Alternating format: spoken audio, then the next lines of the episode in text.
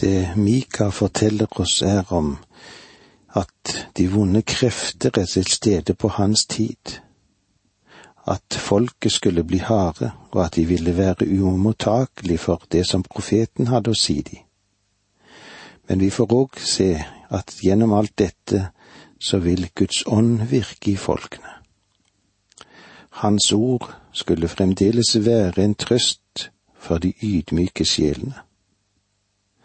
Men mennesker som utnyttet sine fattige naboer, og som ranet alt det de bare kunne komme over enda til klærne på kroppen, de kom til å føre skyld over en hel nasjon. Det skyldige folket måtte forberede seg på å forlate Kanaan. Det skulle ikke lenger være hjemmet deres.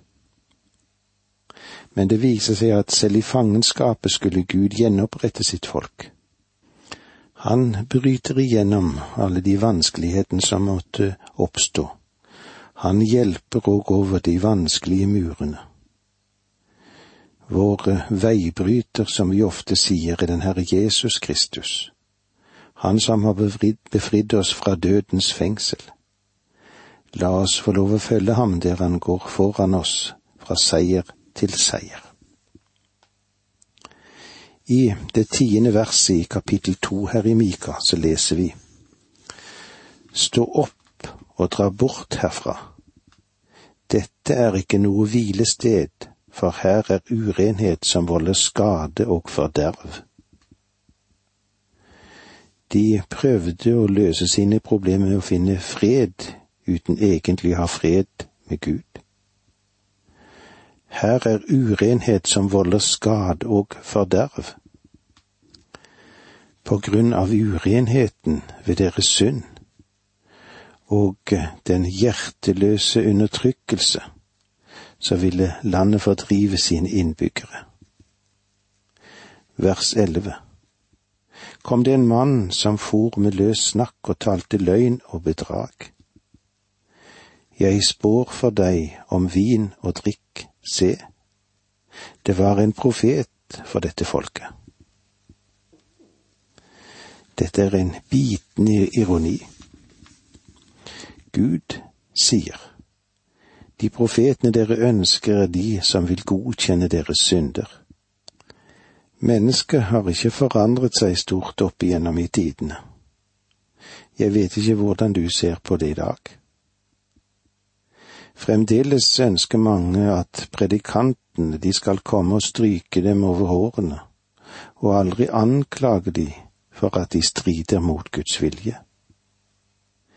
De insisterer på at vi lever i en ny tid nå. Og siden vi ikke er under Moseloven, så behøver det, vi iallfall ikke bry oss om den, da, eller andre av Guds påbud. Og så sier det, ja, det er jo sant òg, da, at vi er under nåden. Men det er iallfall én ting som er sikkert. Om du elsker Gud, så vil du holde Hans bud. Og uh, Gud, han fordømmer mye av det som vi trykker til vårt bryst. De falske profetene på Mika sin tid talte ikke mot folkets synder. De var eh, noen populære predikanter. Og så sa de akkurat det som folket ønsket å få høre. Løfter til en rest. Det domsbudskapet Mika har forkynt, har vært meget skarp. Men ved avslutningen av hva dette kapitlet er det vidunderlig, det som vi får se en liten profeti som skinner som en solstråle og bryter gjennom mørke skyer på en stormfull dag. Vers tolv Jeg vil samle dere alle, Jakob, jeg vil samle Israels rest føre dem sammen som sauer i en kve, som en bøling på beite, en støyende flokk av mennesker. Du har sikkert lagt merke til at når Gud taler til dem om deres synd, så tiltaler han dem ved et bestemt navn, navnet Jakob. Og når han bruker dette ordet i dette verset, så er innholdet det at han vil vise barmhjertighet mot dem. Ikke fordi de er verd eller fordi de har mange fine, gode karaktertrekk. Ja, de kan ha så mange de vil av disse, men det er på grunn av Hans egen nåde. Jeg vil samle dere alle, Jakob. Dette blir ikke fullbyrdet etter det babylonske fangenskapet, og det er ikke fullbyrdet ved det de nå har fått vende tilbake til sitt land, fordi han sier at han vil samle dere alle. For øyeblikket så finnes det mange jøder rundt omkring i verden, og i New York kanskje er det flere der enn i Israel, hvem vet. Og mange har emigrert fra Russland, og de kommer ifra Etiopia, ifra hele det tidligere Sovjetunionen, og fremdeles er det en stor gruppe jøder tilbake. Så Gud har ennå ikke samlet dem alle etter denne profetien. La oss gjenta vers tolv. Jeg vil samle dere alle, Jakob. Jeg vil samle Israels rest, føre dem sammen som sauer i en kve, som en bøling på beite, en støyende flokk av mennesker. Jeg vil samle Israels rest. Når det er snakk om en rest av folket, så bruker han navnet Israel. Gud har alltid hatt en trofast rest i folket. Og faktisk er det slik at han aldri har hatt mer enn én rest. Det har aldri vært en tid der det kunne sies at 100 av folket hadde vendt seg til Gud. Og det var alltid på grunn av denne rest at Gud var nådig mot nasjonen. I den fremtidsdagen som kommer, under den veldige trengselsperiode når det sies at hele Israel skal bli frelst. Hvem er det da med, tror du? Vel, det hele, alt det som Israel hører tilhører, de 144 000. Åpenbaringsboken gjør det klart at de vil bli forseglet. Og jeg tror at de vil bli beseglet ved Den hellige ånd og vil være i stand til å overvinne den store trengselen. Men det vil være en rest av folket. Det er jo flere millioner jøder i Israel, og eh, mange millioner jøder i andre land. Så de 144 000 kan ikke være noe annet enn en rest. Jeg vil føre dem sammen som sauer i en kvee. Ordet her er borash, der det var flere store saueflokker på grunn av førsteklasses beiteområde. Når Gud drar sitt folk sammen som fåren i en kve eller ved en borasj, da vil Salme 23 bli fullbyrdet. Herren er min hyrde, jeg mangler ingenting. Han lar meg ligge i grønne enger. De skal være som en støyende flokk av mennesker. Og grunnen til støyen er at et stort antall vil vende tilbake til landet. Når Gud lar folket vende tilbake til sitt land, vil det være en veldig hendelse. Siden det lille vi har sett av tilbakevend til Israel, så har det ført med seg stor glede blant kristenfolket og eh, det er stor glede òg blant de som er opptatt med det profetiske materialet. Tenk på hva som vil bli i fremtiden. Vers 13 Han som bryter vei, går foran dem. De trenger gjennom porten og drar ut av den. Deres konge går foran dem. Herren selv går i spissen for dem. Og med disse ordene må vi si takk for nå, må Gud være med deg. Dette undervisningsprogrammet består av to deler. Åge Nevland fortsetter nå med andre del av dagens undervisning. Vi er i profeten Mika. Vi er eh, i avslutningen av det andre kapitlet, og vi ser på et frelsesløfte som sies der i versene tolv og tretten. Det kan kanskje virke litt underlig at et slik lite avsnitt kommer midt i domsbudskapet, men det er en påminning om at Gud, han har en nåde å gi, og den gjelder for alle sammen som vender om, og de som vil tro på ham. La oss lese versene tolv og tretten. Jeg vil samle dere alle, Jakob. Jeg vil samle Israels rest, føre dem sammen som sauer i en kve, som en bøling på beite, en støyende flokk av mennesker. Han som bryter vei, går foran dem. De trenger gjennom porten og drar ut av den. Deres konge går foran dem. Herren selv går i spissen for dem. Han som bryter vei, går foran dem. Denne bryteren er den som rydder unna hindringer og leder dem. Jeg tror at dette henviser til at skal, de skal gå inn i tusenårsriket når den Herre Jesus Kristus, han kommer, og han skal være leder for dem. Og ved den tid vil han da ha vendt tilbake til jorden. Dette verset henviser til ham som bryter vei, deres konge og deres herre. Han som bryter vei, går foran dem de trenger gjennom porten og drar ut av den. Deres konge går foran dem, Herren selv går i spissen for dem. Det var det vi hadde med oss i kapittel to. Vi går nå inn i det tredje kapittelet, eller profetens tredje budskap. Fordømmelse av lederne for deres synders skyld. Mika han fordømmer Israels ledere for deres synd. Først høvdingene, og deretter profetene, de som var åndelige ledere, og eh, til sist alle lederne i Jerusalem som er inkludert både høvdinger, profeter og prester. Først ser vi på høvdingenes synd.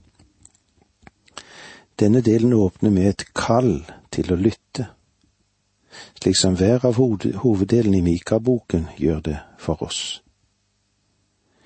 I vers én leser vi slik i det tredje kapitlet.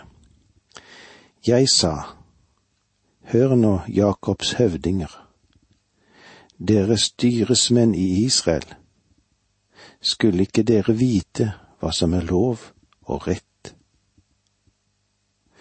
Hør nå Jakobs høvdinger, han taler nå til folkets lederskap. Skulle ikke dere vite hva som er lov og rett? Og hva mener han med det? Vel, han henvender seg til Israels ledere, de som var dommere, og de som var fylkesledere. Når mennesker blir funnet skyldig i kriminelle handlinger, blir de ført frem for disse mennene for å få sin dom. Så derfor burde de i alle fall vite hva dom og rettferdighet er. Den samme tanken blir uttrykt i Det nye testamentet, det. Derfor har du ingen unnskyldning, du menneske, som dømmer hvem du så er. For når du dømmer en annen, fordømmer du deg selv du gjør jo det samme selv, som det står i Romerbrevet 2.1. Det samme selv betyr ikke identiske ting, men lignende ting. Et eksempel på dette finner vi i annen Samuels bok i det tolvte kapitlet der. Profeten Nathan kom til kong David og fortalte ham en, om en rik mann i hans rike som hadde en stor saueflokk men når han trengte mat for å servere det for en gjest, gjorde han det slik at han tok et lam fra han som var av de fattige land, han som hadde bare et eneste lam. Den mest dyrebare eiendommen som denne mannen hadde. Det ble grillet for denne gjesten som var kommet. Og da David hørte det, så reiste han seg, full av vrede, og så forkynte han dom over denne mannen som kunne gjøre et så simpelt hærverk som det han gjorde. Han så urettferdigheten i det hele, og likevel hadde han ikke selv gjort noe lignende. Og da sier altså Natan til David, Du er mannen. Du er mannen. David aksepterte dommen, og så bekjente han sin skyld for Gud. Er det ikke overraskende hvor lett det er å se andre mennesker sin synd, og så lett det er å overse våre egne? Og det er, det er det som er grunnen til at Gud sier til disse lederne som var i Israel, dere har dømt andre for deres misgjerninger, men dere gjør jo akkurat det samme. Denne anklagen gjelder også i vår tid. Jeg har av og til en følelse av at når dommerne lytter til en sak mot en som er anklaget, så kan han selv være så berørt gjennom sine handlinger at dommen blir svært mild for at dommeren skal dekke sin egen samvittighet. Det er for mange som ikke har rent mel i posen, som bærer ansvar for de største etiske avgjørelser. Mer enn noe annet i vårt folk trenger vi menn og kvinner som har en hel, helstøpt karakter i en høyst uryddig tid. Ja, hva mener nå du? Dette er nøyaktig det Mika sier til lederskapet i sin tid. Skulle ikke dere vite hva som er lov og rett? Dere handler ikke ut fra at dere ikke vet. Dere har jo hatt erfaring i dette. Dere har dømt mennesker som er skyldige. Nå er det dere som er skyldige. Vers to Mika tre men dere hater det gode og elsker det onde. Dere flår huden av folk og river kjøttet av knokene. Dere hater det gode og elsker det onde. Det er litt vanskelig for en dommer som har vært i selskap kvelden før og selv har vært litt på en snei, og så skal han dømme en mann neste dag som har drept noen fordi han kjørte i beruset tilstand. Det er ikke til å undres over at dommeren viser særlig positive hensyn i så henseende. Jeg vet hva jeg er innom nå.